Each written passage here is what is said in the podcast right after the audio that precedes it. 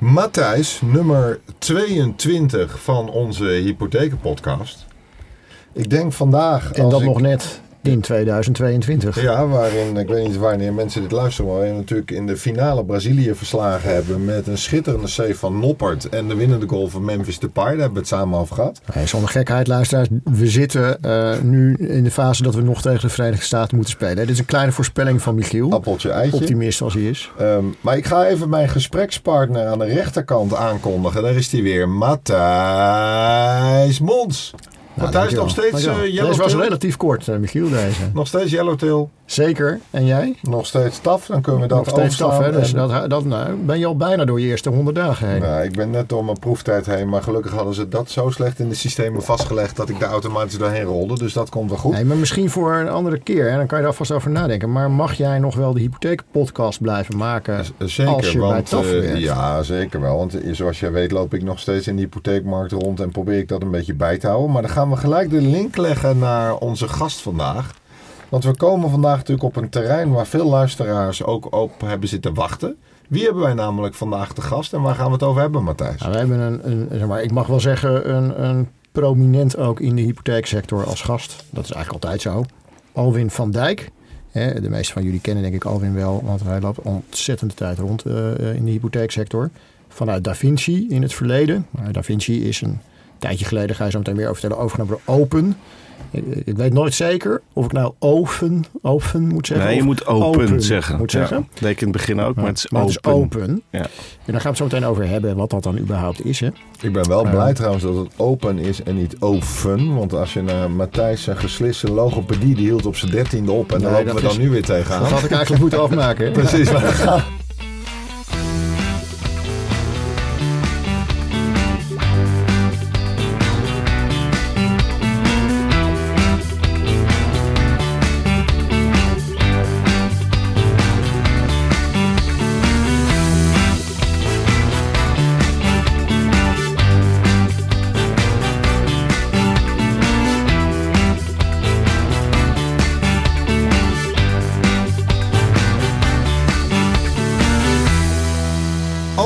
Dijk, van harte welkom. Dankjewel, dankjewel. Vertel eens wat over jezelf. Wat heeft jou hier gebracht en wat eh, brengt jou in de toekomst nog als het aan jou ligt? Jeetje, dat is gelijk even een, eh, een vraagje. Ehm, nou, ik ben Alwin van Dijk, eh, 54, eh, woon in Naarden. En werk bij Open. Ehm, hiervoor bij Da Vinci. Ehm eh, komt dus een beetje nu met, uit de hypotheekwereld. Maar ze heeft eigenlijk van mijn tijd bij Da Vinci. Ik ben al 25 jaar bij Da Vinci. Dus in de tijd dat we nog met guldens betaalden, eh, zat ik al bij deze werkgever. Ehm, heb ik eerst heel lang in de sportwereld gewerkt. En eigenlijk pas vanaf nee, 2019 ben ik binnen hetzelfde bedrijf overgestapt naar de financiële wereld. Ja. Dus, eh, en vanuit die hoedanigheid, eh, nu loop ik bij veel hypotheekpartijen rond. We zijn denk ik best wel een grote eh, softwareleverancier in de hypotheekwereld in Nederland. Op dit moment richting Engeland, maar daar wil ik straks misschien wat meer over vertellen. Maar ik denk vanuit die hoedanigheid. En een deel van mijn of ons oude bedrijf zit nu ook bij eh, Matthijs in het bedrijf. Dus dat eh, linkt ons Ja, ook een beetje. Dit Ja. is heel complex, luisteraars. maar je had dus, ik zal hem in één seconde uitleggen. Je had het bedrijf Da Vinci. Daar was Alwin partner in. Ja, Met een aantal anderen. Eh da Vinci is twee jaar geleden ongeveer overgenomen door Open. Als Yes. geheel. En Da Vinci had twee takken. En die ene tak was een productentak. Het product eh, heette Close. Dat is nu onderdeel van het open systeem geworden. Echt een hypotheken mid- en back-office eh, pakket.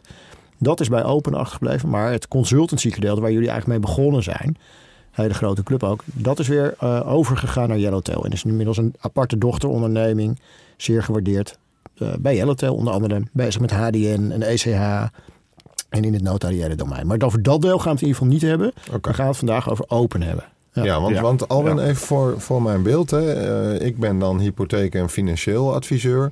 Wat merk ik in de praktijk van wat jij doet, wat Open doet? Eh, hoe moet ik dat zien? Wat is de positie van Open in de hypotheekketen? Ja, Open levert eh, vanaf mid-office. We leveren een mid-office software.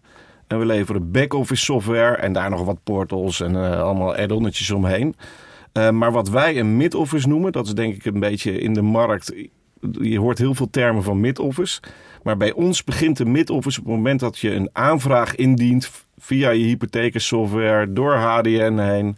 En dan uiteindelijk als die aanvraag binnenkomt bij de geldverstrekker, dat noemen wij een mid-office. Oké. Dus, eh, ehm, en ja, waar heb jij dan mee te maken? Dan, dan ga je op dat moment antwoorden krijgen van je geldverstrekker en een eerste initieel rentevoorstel en dat soort dingen. Die komen, als ze het goed doen, uit ons systeem. Oké. Ja, dus je werkt eigenlijk, je klanten zijn gewoon geldverstrekkers. Onze hè? Dus klanten dat- zijn werkt geldverstrekkers. Niet voor het intermediair. Je hebt wel veel te maken met het intermediair. In de zin van dat zij natuurlijk de aanvragen indienen op de systemen van Open. Ja. Ehm, Nou, maar- eigenlijk zou je zeggen, de klanten zijn, jouw klanten zijn consumenten. Want zonder die consumenten begint er niks. Komt er geen aanvraag op de mid-office uit. En daar begint jouw gedeelte van de keten, toch? Ja, ja. en ehm, eh, je zegt nu consumenten. Op het moment dat we met consumenten te maken hebben, dan is het al heel vaak HDN. Eh, ehm, en dan hebben we eigenlijk die hele wereld ervoor is best goed geregeld. Met, eh, met allerlei adviessoftware. Een ander deel van onze klanten, ehm, die doen bijvoorbeeld buy-to-let hypotheken. Ja. Dat zijn dus heel vaak zakelijke hypotheken ehm, of semi-zakelijke hypotheken. Die zitten heel vaak niet op HDN. Dus daar komt hij heel anders bij ons binnen. Hè? Dat Ja, zijn portals waar mensen vra- eh, aanvragen indienen of al dat soort verhalen. En een derde tak is, als je in het buitenland kent, kennen ze ook geen HDN. Misschien nog eh, een idee. We hebben het in het verleden vaak geprobeerd. Ehm, en daar werken ze weer op hele andere manieren dat de aanvragen binnenkomen. Dat is voor ons eigenlijk over het algemeen niet zo boeiend. We maken daar wel portals voor, in het buitenland met name. Maar eigenlijk die mid-office begint als wij de aanvraag gaan beoordelen. Oké. Ja. Kan, kan jij ons iets meer vertellen, Alwin, over hoe zeg maar, de, de, die markt in elkaar zit? En niet, niet de hypotheekmarkt, maar, maar echt die markt van mid- en back-office leveranciers in Nederland. Laten we maar even in Nederland kijken. En dan zitten natuurlijk ook buitenlandse leveranciers die op deze markt dingen willen doen. Waar heb je dan mee te maken? Hoe, hoe, eh, wie zijn de spelers? Eh, hoe, hoe zijn de, wat zijn de verdelingen? Wat maakt jullie daar dan uniek in? Dus wat jullie Ja. koers daarin? Dus het zijn heel veel vragen, maar laten we gewoon beginnen bij die markt. Hoe werkt dat? Ja, maar als je even rekent, wij bijvoorbeeld nu bij Open ehm, bestaan er 350 man, waarvan er denk ik zo'n dikke 200, 250 puur ontwikkelen mid-office software, back-office software. Dus met andere woorden, eh, misschien doen wij het inefficiënt, maar eh, je hebt er een hoop mensen voor nodig om deze software te kunnen maken. En je verkoopt niet 40, 50 softwarepakketten per jaar. Dus dat betekent dat je eigenlijk ehm, eh, het heel efficiënt moet doen, maar, maar dat voor, ook voor elke klant een hele grote beslissing is. Waar wil ik naartoe is dat als je in de Nederlandse markt kijkt, hebben we niet 10 leveranciers voor mid-offices en 10 leveranciers voor back-offices. Het is een hele kleine gespecialiseerde markt. En als je nu in de markt kijkt, denk ik dat we met twee leveranciers zijn die dit kunnen leveren. En je hebt nog een alternatief als geldverstrekker, is dat je het outsourced. Dus dat je naar partijen gaat, eigenlijk die je een zak geld geven en die hebben het systeem en de De mensen voor je staan. eh, heb je dan De, de, de BPO-services Ja. als eh, eh, eh, BCM Global, eh, Kion, Stater en dat soort partijen. Ja. Dus, dus eigenlijk is de eerste, de eerste keuze die voor ons belangrijk is, is als een partij zegt: wil ik zelf een deel van de software hebben of ga ik het helemaal outsourcen? En wij leveren niet software dat we het in de kelder bij je zetten op een server zoals dat vroeger ging. Maar wij ehm, zijn eigenlijk de enige softwareleverancier in Nederland die hypotheeksoftware in de cloud leveren. Dus eh, wij doen dat bij Amazon. Eh, maar dat, kan, dat zou ook bij, bij, bij, bij Microsoft kunnen of bij Google. Dat, dat maakt niet zo heel veel uit. Maar wij doen dat vanuit de cloud.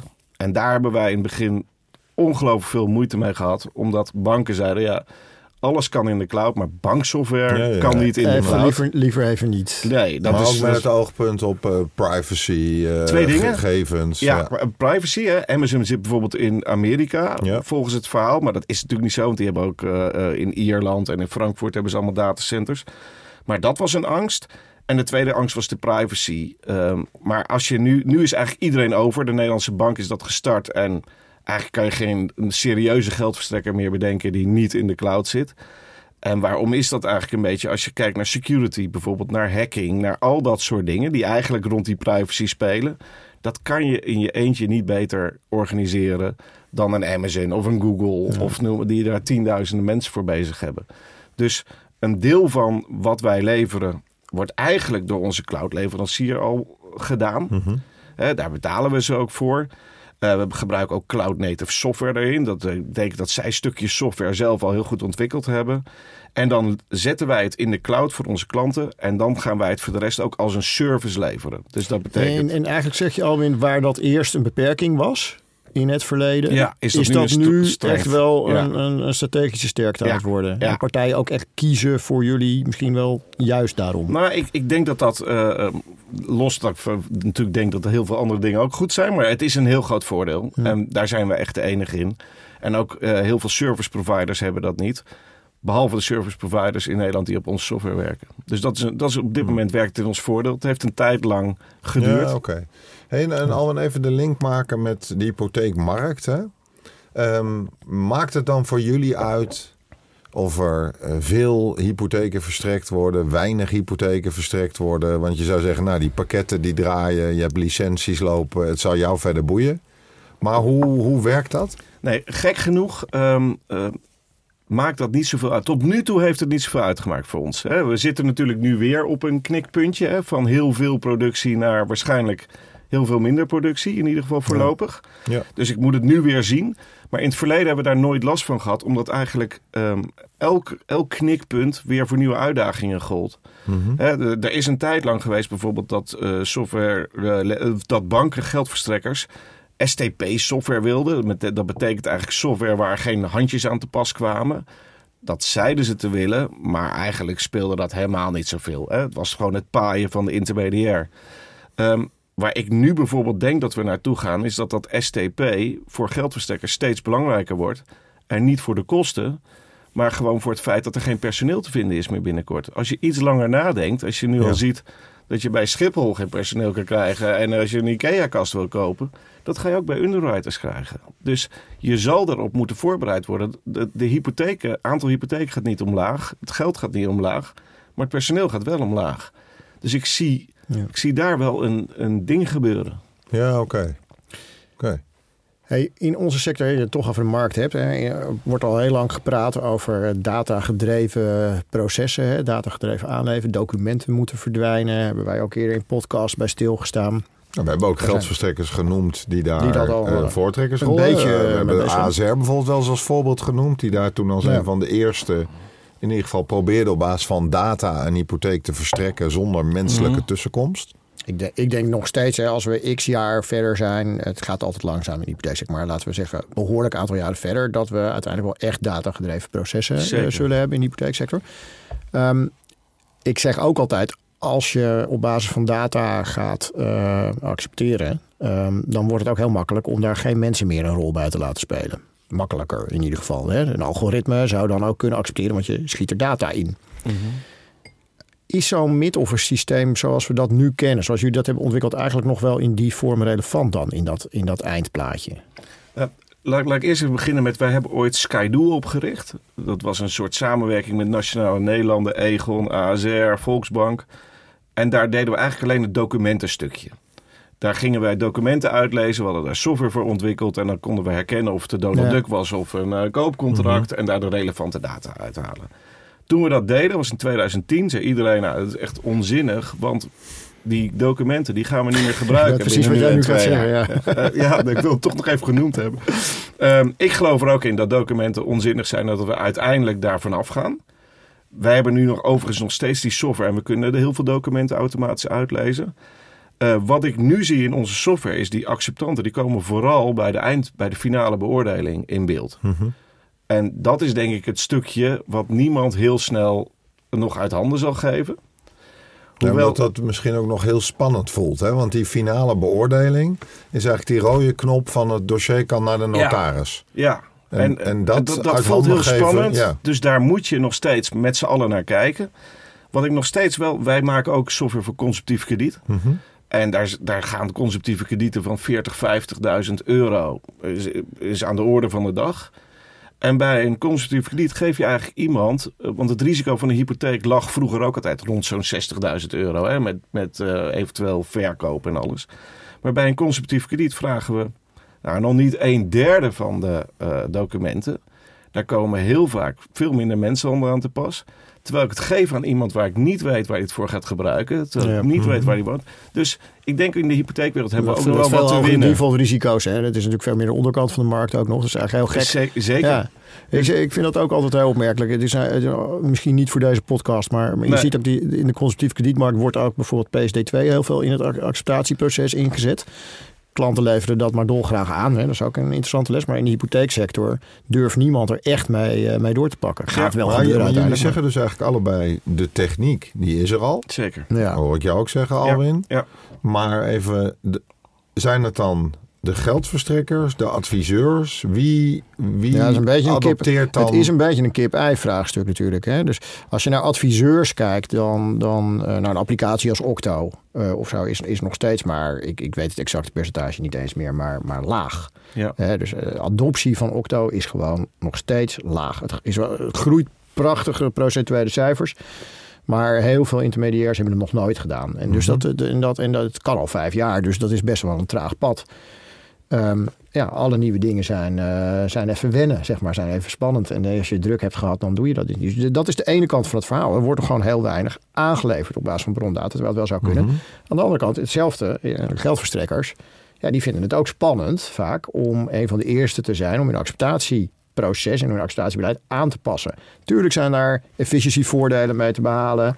Dat kan je misschien zelfs wel scherper gaan accepteren, is uiteindelijk de belofte. Maar het is anders dan het was. Ehm, en het brengt ook risico's met zich mee. Dus als jij een van de eerste partijen bent als geldverstrekker die een datagedreven acceptatieproces in de markt zet. Stel dat een grote aanbieder dat Ja, zou doen ja. kan het ook zomaar zijn dat die productie gaat missen. Omdat heel veel intermediairs dat niet gewend zijn. En als funders, hè? Er Ja. is ook veel Ja, en funders, dat- vinden, ja, funders zeggen ook, ja, if it ain't broken, don't fix it. Hè? We hebben toch een prima acceptatiebeleid in Nederland. Eh, hele lage defaults. Waarom zouden we aan die knop gaan draaien als een soort experiment? Nou, En- Alwin die zegt net, we moeten wel aan die knop gaan draaien. Zeker, want als de personele bezetting, niet zozeer misschien qua aantal, maar qua kwaliteit. Hè, mensen gaan, het is niet een heel sexy vak op dit moment. Er stromen weinig jonge mensen in. Dus mensen stromen ook uit op basis van leeftijd. Dan heb je kwaliteit nodig om die finale beoordeling te kunnen doen. Als de markt straks weer aantrekt, heb je veel meer finale beoordelingen Ja. te doen.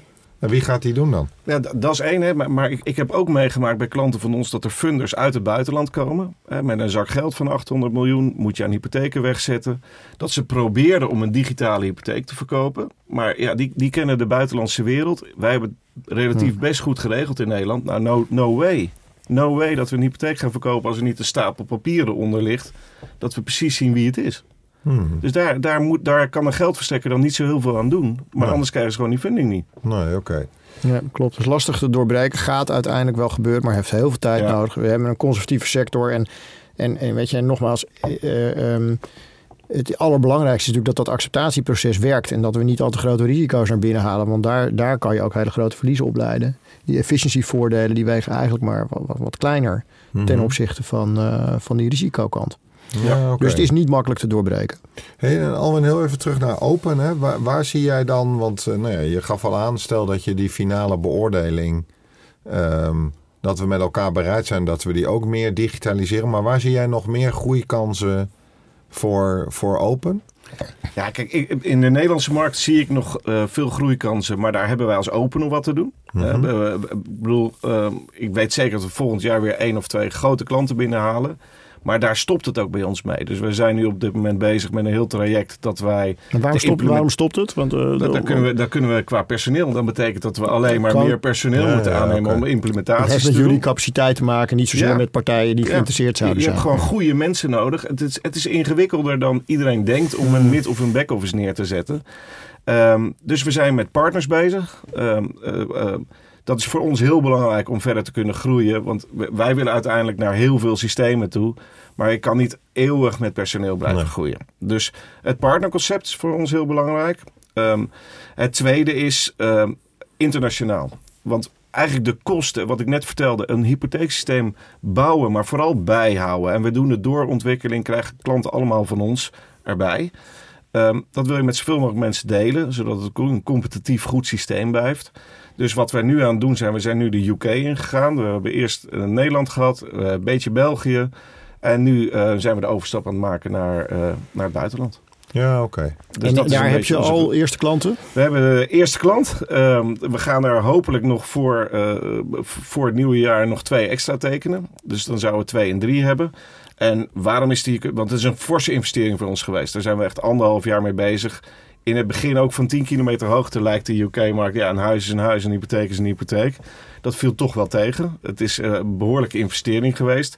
Ze hebben daar niet de HDN's, ECH's en al dat soort dingen... die wij allemaal al geregeld hebben. Ehm, we hebben er ook heel veel van geleerd. We gaan er ook dingen mee terugbrengen naar de Nederlandse markt. Maar eh, ehm, eh, ja, de eerste, de eerste, we zijn van de wal af, laat ik het zo zeggen. Dus, en, en de markt is natuurlijk groot daar. Ik bedoel, het is vier, Ja. vijf keer groter dan. Zeker, ja. ja. Spannend. En ik, ik ben dan nog wel benieuwd van, kan je dat dan ook echt, want je zegt we zijn er wel anderhalf jaar mee bezig geweest, maar kan je dat wel echt vanuit hetzelfde platform doen? Eh, Ja, dus, ja. dus dat is niet een totaal ander product wat je dan dat, dat is wel, dat, dat- wel leuk dat je dat vraagt. Wij- Wij hebben, wat, waar wij denk ik ook anders in zijn dan alle anderen bij ons. We hebben één systeem. We hebben, ehm, de- in software noemen we dat één codebase. Dus dat betekent dat eh, bij ons eh, de consumptieve kredieten, de buy-to-let hypotheken, de gewone normale consumentenhypotheken, maar straks ook de UK hypotheken. Dat gaat allemaal door hetzelfde systeem heen. En waarom doen we dat? Want dat is natuurlijk best ingewikkeld. Maar we doen dat omdat het dan ook veel beter beheerbaar is. Waar je heel veel partijen ziet, is dat als ze acht klanten hebben, ze hebben ze acht verschillende systemen met acht smaakjes en acht flavors staan. Maar dat wordt op een gegeven moment echt, echt heel ingewikkeld om dat voor elke kant op een goede Ja, manier te ja, beheren. Precies, essentieel. Ja.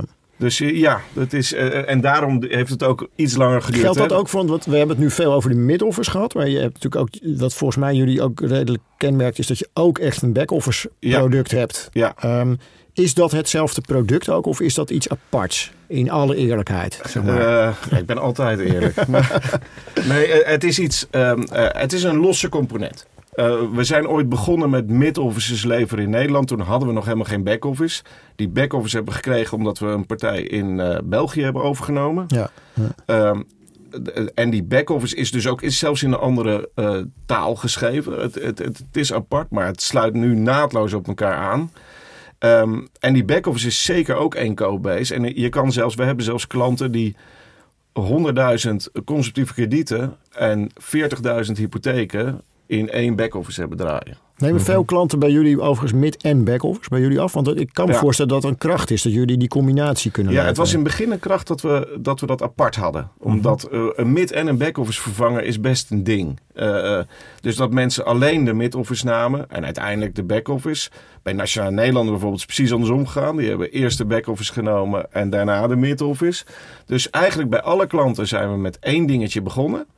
Maar eigenlijk hebben nu alle klanten alles van ons. Dus de, Maar jij ik zie noemt, dat als een compliment. Jij noemt Nationale Nederland. Hè? Ja. eh, ik denk een aflevering of zes geleden eh, hadden we eh, eh, Nationale Nederland in deze podcast. ik heb het gehoord. En die vertelde toen van, joh, we hebben die hele mid-office, die zijn we aan het reorganiseren. Is dat dan gebaseerd geweest op, op jullie... Ja, zij, zij zijn eh, nu en deels ook al live met onze nieuwe mid-office. Oké. Ehm, eh, ja, en dat komt dus doordat ze eerst de back-office van ons hadden. En langzamerhand eh, eh, uitgebreid zijn naar de hele set. Oké. Ja. Ja, ja. Welke partij in Nederland zou nou echt naar jullie moeten overstappen al in? Om, eh, gewoon om, om, om honderden miljoenen te besparen. Ja, dan Nee, ga ik, zonder gekheid, kan je, of durf, durf je die vraag Ja, niet ik, te ik, ik wil wel een naam noemen die jij ook kent, maar die ga ik niet noemen. Die kan ik niet noemen. Ehm, maar als ik eh, eh, dan zou ik eigenlijk gewoon de grootste partij willen noemen. Ehm, dan ga ik even, ING, ik noem maar Mhm. wat. Hoe groter je bent, hoe meer geld je gaat besparen als je naar onze software gaat. Daar en ben jullie software kan die schaal aan, want dat heb je eigenlijk nog niet bewezen. of? Nee, dat kan ik wel, kan ik wel zeggen, maar dan, dan ga je doorvragen, nou, hoe, dan? Mhm. Nee, dat, dat weet ik niet. Hè? Maar ik weet wel, we, we, we testen natuurlijk wel met testdata. En we hebben nu al, we hebben nu al zo'n 70 eh, miljard natuurlijk in onze software zitten. Nou, bij een ING verdubbelt dat of verdriedubbelt dat. Maar ik, vind- vind het wel chic dat je dat zegt. Hè? Van joh, jij kan nu wel zeggen dat we dat kunnen, maar dan moeten we laten zien. Als je natuurlijk kijkt naar de ING-kant of ABN AMRO, nou, bij beide heb ik ook gezeten. Daar is natuurlijk altijd het idee van, ja, we willen dat eigenlijk in een Zelf soort van, ja, in Ja. eigen beheer, Ja. zelf doen. Ja. Dat willen we niet uit handen geven, want dat is primair in ons proces. Wat zou jij in eh, drie zinnen aan eh, nou ja, de ING's, de ABN AMRO's mee willen Ja, geven? ABN AMRO toch- besteedt het al heel lang uit aan Stater natuurlijk. Oké, nou, Ja, dus, dus, eh, dus, de, die, die zouden eigenlijk ING kunnen overtuigen. Maar als Alwin dat zou mogen zeggen, wat Ja. zou dan... Maar ik denk het, het, het hele zelf doen, dat dat echt oud denken is. En nogmaals, ik, ik noemde net het cloud verhaal. Eh, Vroeger had iedereen het in de kelder staan omdat dat super belangrijk was. Het waren je banksystemen. Wij mochten het eigenlijk in de kelder brengen en moesten daarna van een afstand wijzen op welke knoppen ze moesten drukken. Dat is al weg nu met de cloud. Daaronder is- begrijpt iedereen dat schaalvoordeel een voordeel is. En dat is hetzelfde met een back-office. Het is echt onzinnig om dat zelf helemaal te gaan bouwen. Als wij dat met een paar honderd mensen doen, moeten zij het ook. Hè? Ehm, en dan doe je het alleen voor jezelf. Je kan nooit hergebruiken. Het zijn er ook niet zo heel veel meer, denk ik, hè, die het nog helemaal zelf doen. Nee, Eh, dat, is, dat is heel weinig. Alleen ja. een back-office gaat natuurlijk 15 jaar mee. ja. Eh 20 jaar in sommige gevallen. Dus je ziet er nog een Ik paar ken- van die ik ken- COBOL-systemen Ik ken staan. een partij die heeft er al Maar- maar- 45 Matthijs- jaar heen draaien. Dus, maar eh, Matthijs, wij, wij spreken hier altijd af. We noemen altijd eh, man en paard. Ik heb geen idee. Maar over welke partijen hebben we het dan die dat nog allemaal Nou, zelf doen? ING hebben we al genoemd. De Maar- ING heeft de back-office zelf, de mid-office niet. Hè. Dus de mid-office komt bij een concurrent van Alwin vandaan. Oké. Ehm, en, en ik denk de andere grote speler die de back-office eh, ehm, zelf nog doet met een oud systeem is Egon. Oké. Maar je ziet dat in Nederland ook best wel veel partijen er veel geld voor hebben ehm, een service provider of een servicer gekozen. Staat er Mhm. of Kion of eh, in de buitenletmarkt veel BCM Global. Hè. Of, of Engage eh, inmiddels ook eh, aan, aan de weg gaan timmeren. Dat zijn de vier service Dus die gebruiken dan het systeem van een van deze partijen. En om Ja. het nog ingewikkelder te maken... ehm, BCM en Engage, die gebruiken weer zelf het systeem van Open. Mhm. Om- dus dat soort lijntjes- systeem van Ja, open. dus je, kan, je kan als geldverstrekker, als je een systeem in de markt wil kopen Mhm. en je wil niet naar een servicer, dan kan je naar, naar Alwin toe of naar Topicus. Maar je kan ook naar een service provider toe, Mhm. servicer, en, en, en dan krijg je misschien wel hetzelfde systeem. Maar dat is om het even heel complex te Ja, maken hoe die markt in Dan elkaar praat je alleen niet met Ja. ons. Hè? Dan Nee. praat Nee, dan praat je met niet de met ons. En die regelen er een nog veel schakel meer omheen. Ja. Er zit er een schakel tussen. Ja, Dat zou, dan je als, zou je als nadeel kunnen ervaren. dat kan je als nadeel ervaren, maar het heeft ook een voordeel. Als je ehm, of een kleine partij bent of een gespecialiseerde partij, dan wil je misschien niet altijd ook nog aan je eigen kant allerlei eh, database experts of security Nee. experts of et cetera, et cetera. Ehm, voor een deel nemen wij dat allemaal uit handen. Maar als je onze software neemt, heb je ook nog wel zelf testers en alles nodig. Daar zorgen dit soort partijen voor. Ja, oké. En heel vaak zorgen ze ook voor de handjes, hè? ook Ja. nog voor de, voor de boel eromheen. Ja. hey Matthijs, eh, het gaat razendsnel. En eh, traditiegetrouw heb jij altijd ruimte voor de laatste vraag. Wat zou jij Alwin als afsluiting nog willen vragen? Ja, ik ben wel heel erg benieuwd, Alwin, of je een, een doorkijkje kan geven naar waar, waar je hoopt met, eh, met Open over vijf jaar te staan. En, en, en wat is er dan ook echt veranderd in, in zo'n systeem? Ehm, eerst of al hoop ik eh, met Open over vijf jaar, naast wat ik net al verteld heb, dat we internationaal bezig zijn. Hoop ik echt dat wij steeds ons meer kunnen terugtrekken naar een pure productclub. Ehm, en dus de implementaties en al dat soort dingen, ehm, dat doen mensen voor ons of met ons. Maar dat wij ons steeds meer dat product beter en beter gaan maken. En waar ik dus echt in geloof, in dat STP, in dat het, het systeem gaat heel veel dingen voor je doen. Ik, ik ben ervan overtuigd dat dat een must gaat worden. Dat heb ik net al uitgelegd. En ik hoop dat wij daar gewoon... Ja, wij zijn er al goed in, maar dat wij daar echt nog wel stappen gaan maken. En met heel veel partijen samenwerken. Hè? Want je noemde net eh, data uit de source en al dat soort dingen. Die bouwen wij allemaal niet zelf. Hè? We bouwen gewoon openingen waar zij op ons systeem kunnen inprikken. Dat hele netwerk, dat wil ik nog groter maken. Ja, er is nog veel werk aan de winkel. En die internationalisering, die noem je ook natuurlijk. Ja. ja. En heb jij zelf nog iets wat je eh, aan, aan, aan onze luisteraars wil meegeven? Voordat we helemaal afsluiten? Nou, dat is, dat, daar overval je me mee, maar eh, nee, gelukkig nu denk ik. en ik hoor net dat Nederland wereldkampioen wordt. Ja, ja, eh, net eh, eh, wereldkampioen geworden. 2-1 gewonnen van Brazilië in de finale. Met een penalty gestopt in de 86e minuut door Noppert. Dat had Matthijs in zijn WK-pool goed voorspeld. Dat en dan een winnende goal van Memphis Depay. hey Matthijs, voordat wij met Alwin afronden. Groot compliment voor jou. Want ik weet dat dit een onderwerp is eh, nou ja, waar jij eh, s'nachts... ik, ik denk s'nachts aan Mac Ryan of vroeger Samantha Fox. En jij droomde van digitalisering en alles daaromheen. Dus ik vind het erg knap dat je uit, ingehouden, toch? dat je uit de details gebleven bent. Ehm, Alwin, ontzettend bedankt eh, voor jouw komst. Graag gedaan, jullie bedankt. Ja, ik moet zeggen, ik ken de Open dus alleen qua naam. Het verhaal daarachter vind ik erg inspirerend om te horen. Ik vind dat je dat ook heel duidelijk hebt uitgelegd. En Matthijs, dit was uh, nummer 22. Ja, en, Uh, in, jij bedankt voor je komst weer. en in 2023 gaan, Gaan we podcast gewoon door. 23 maken. We gaan gewoon door.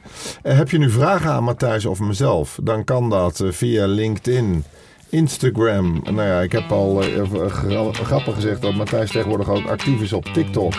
En vooral de filmpjes over pannenkoeken bakken, die worden erg goed eh, bekeken, zag ik. Eh, maar als je natuurlijk vragen aan ons hebt, weet je ons altijd te vinden. En dank voor het luisteren.